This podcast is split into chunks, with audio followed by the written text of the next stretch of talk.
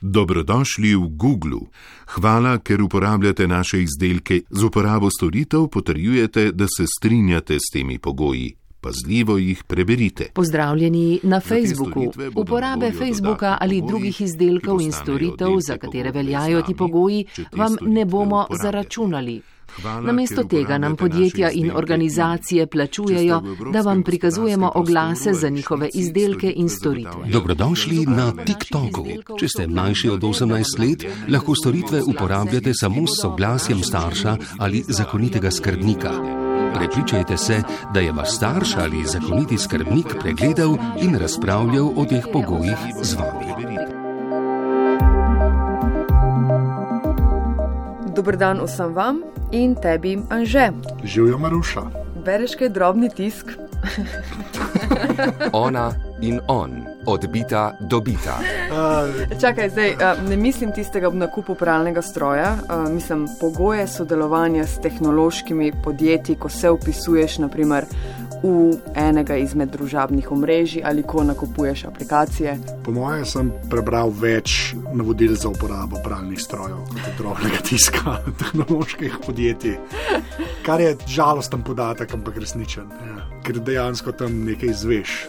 Navodila pralnega stroja si predstavljam, si lažem, da jih malo razumem, ne? drobnega tiska pa ponavadi ne. Kaj pa ti? Um, jaz tudi ne, ampak priznam, da me malo zanima vseeno, kaj piše tam not. Zato bova v novi miniseriji Drobni tisk to poskušala ugotoviti.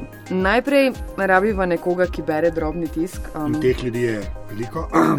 ja. Ne, zato bo to težka naloga, ampak sva se potrudila. Pika šarf, dobrodošla v odbiti dobite. Pozdravljena.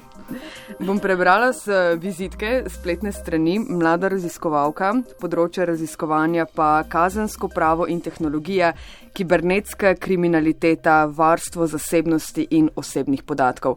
V službi torej bereš drobni tisk? V službi zelo veliko berem, to je res, pa zelo veliko od tega, kar berem, je v zelo drobnem tisku. Je pa res, da v službenem času večinoma ne berem tega drobnega tiska, o katerem se bomo mi danes pogovarjali.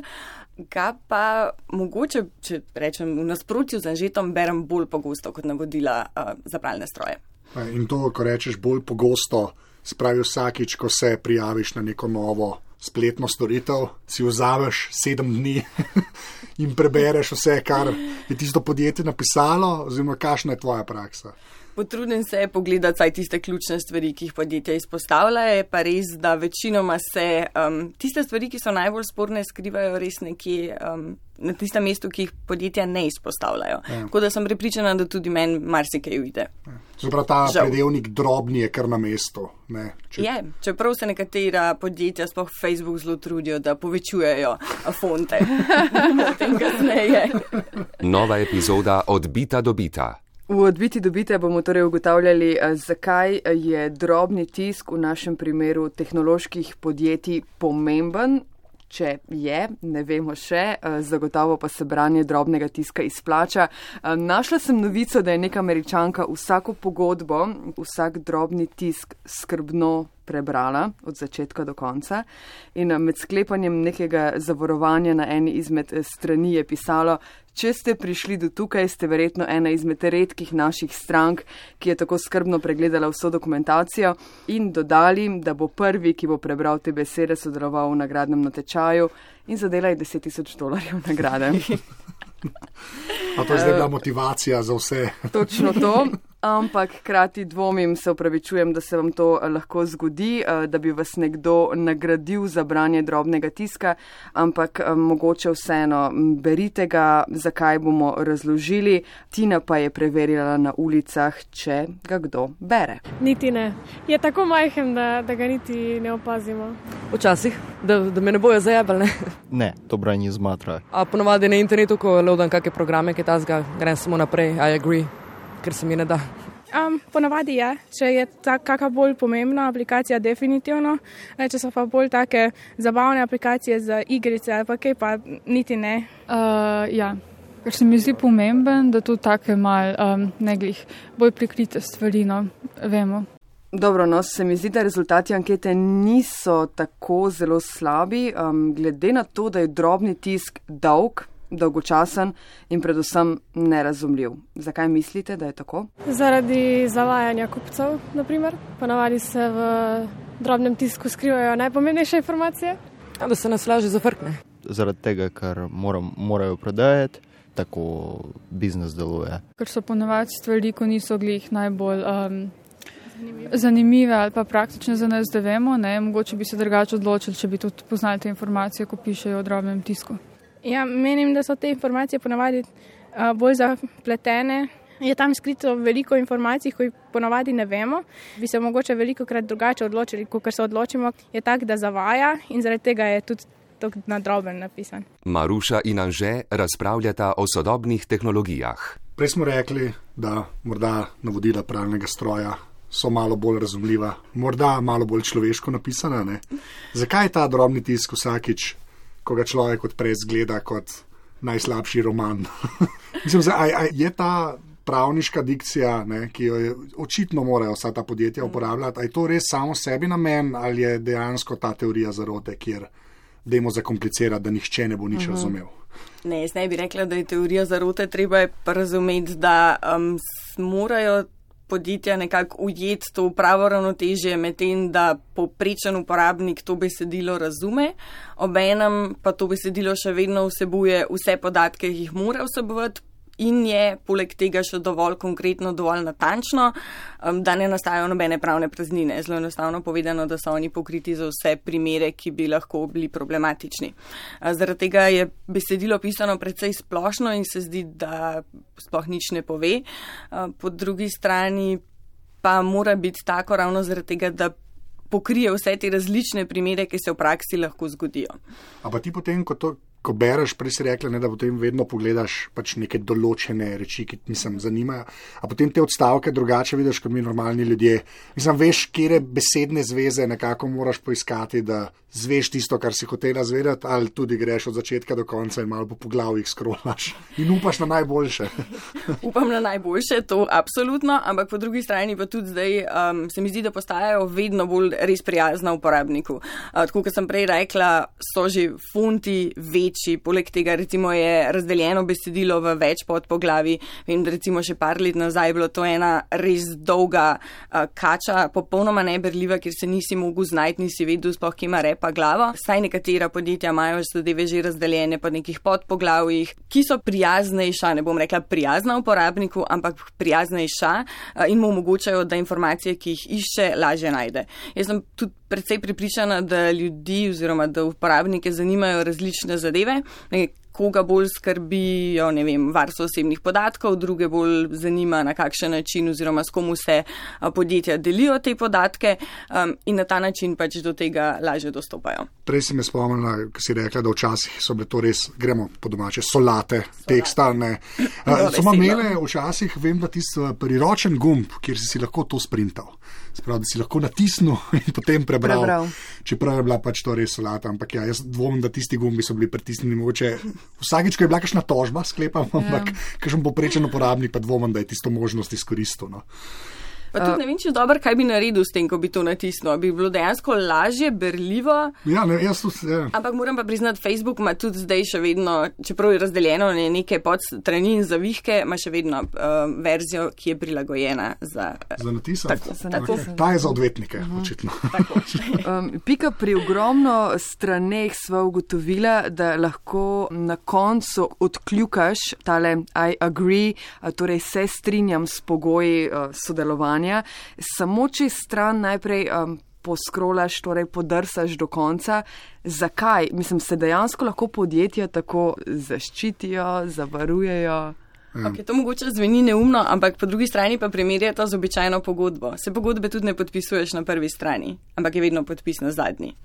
Logika je enaka. Ja. ja, ker potem je neka logika, da si vsaj tiste liste obrnil, ne? tukaj Tako. je pa logika, da si šel na nek način skozi celoten tekst. Ne. Točno to. V resnici ne rabiš pa listati po vseh listih, samo obrneš Ba- celoten kup papirja in rečeš, dajte mi kuli. Ja, Mhm. ok. Okay. Lahko uh, najdemo kakšne bizarne primere, nekaj nenavadnega v teh uh, pogodbah, v drobnih uh, tiskih, ki jih nihče ne bere. Že midva sva se pogovarjala, našel si na spletni strani Apple. Ja, pa se to nima samo Apple, ampak ta primer je v meni najbolj znan, ne, kjer je dejansko en odstavek, ki mislim, da je bilo celo za program iTunes, no, ker so ga zdaj tako že več ali manj upokojili, Mhm. ne, je pač nekje not pisalo, da ne boš s tem uh, programom počel nič, kar je v nasproti z zakoni Združenih držav Amerike. Kar vključuje seveda tudi razvoj nuklearnih raket in bomb in vsega ostalega. Zdaj, ne, pa prej si rekla, ne, da morajo biti očitno vse pokrito. Ne. Tukaj se gre res v neke robne primere, ali poznamo ljudi, ki so delali nuklearne orožja z iTunes. Jaz moram priznati, da ta primer sem si šla prav pogledati, Ja. ker me je resnično zanimal kontekst. Ja, ne, ker pa če vidiš en stavek, si tako, ok, lahko je dejansko bil ta odstavek smiselen, ampak dejansko ni. Res točno to pove, kar smo rekli. Torej, da ne sme biti ta program uporabljen za nič, kar je nezakonito, in potem posebej poudarjeno, da se ne sme uporabljati ob izdelavi jedrskega in kemičnega orožja. Ne vem, Ja. logika tukaj poudarka na teh treh stvarih, ker nekako bi razumela, da bi izpostavili tisto, kar ljudje bolj pogosto počnejo ali pa kar pogosto spregledamo. Zdaj pa, da bi bil se v zelo velikih primerjih zgodil, da bi ljudje um, doma delali atomsko bombo z prižganim iTunesom. Ja. Kaj pa vem, no.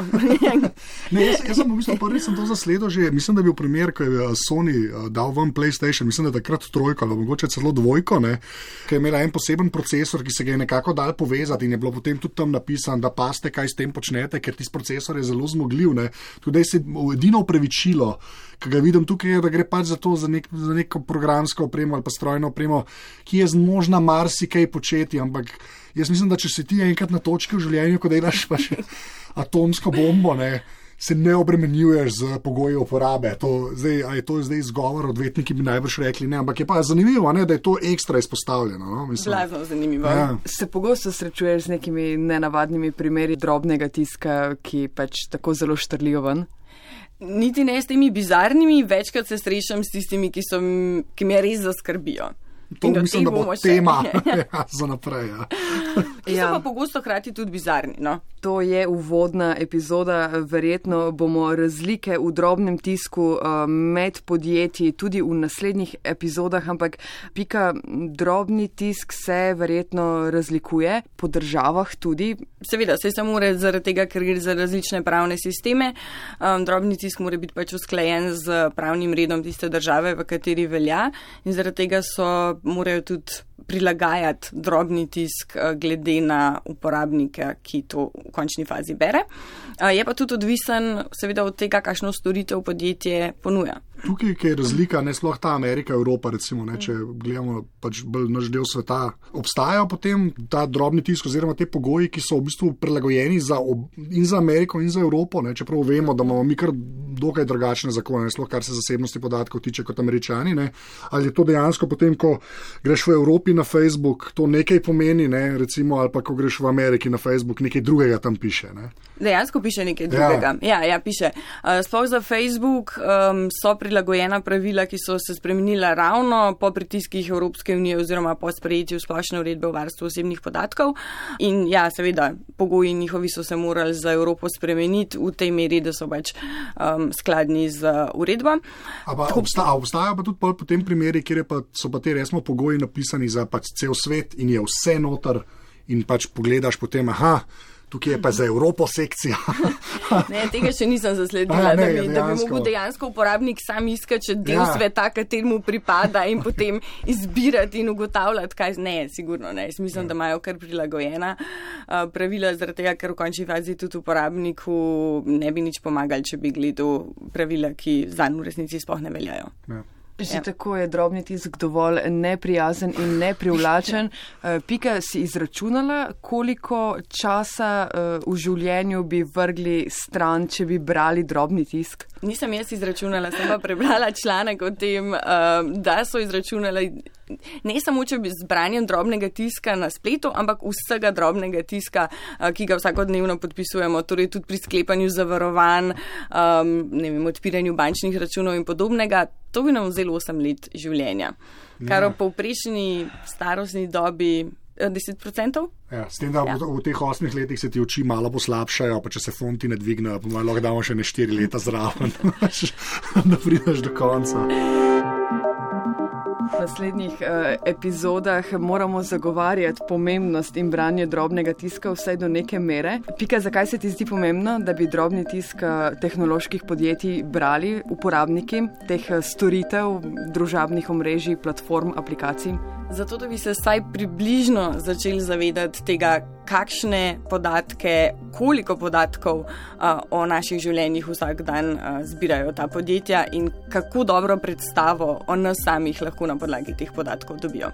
No, no in v tej luči, ne, kot človek, ki celo nekaj prebere od tega, ne, ali si sploh na internetu, je moje vprašanje. Oziroma, mogoče boljše vprašanje, si upaš biti na internetu? sem na internetu, ampak z veliko grozo, priznam. Ja, ja, ja sem. Um, delno tudi zaradi svoje službe, ker se mi zdi, da um, delo raziskovalca, znanstvenika, ne sme biti samo raziskovanje, ki je samo sebi namen. Uh, in danes tudi pač ni več pomemben, da si samo priden, ampak moraš biti tudi zelo dobro viden in znanje, ki ga imaš znaš uh, razširjati. In ja, Facebook in ostala socialna omrežja so super orodje za to, in to je tudi en izmed razlogov, zakaj jaz sem na Facebooku in sem na internetu. Ampak sklepam, bolj previdna kot mogoče mi dva. Ne? Zelo previdna. Zelo previdna. Odbita, dobita. Pika šarf, hvala za tale uvod.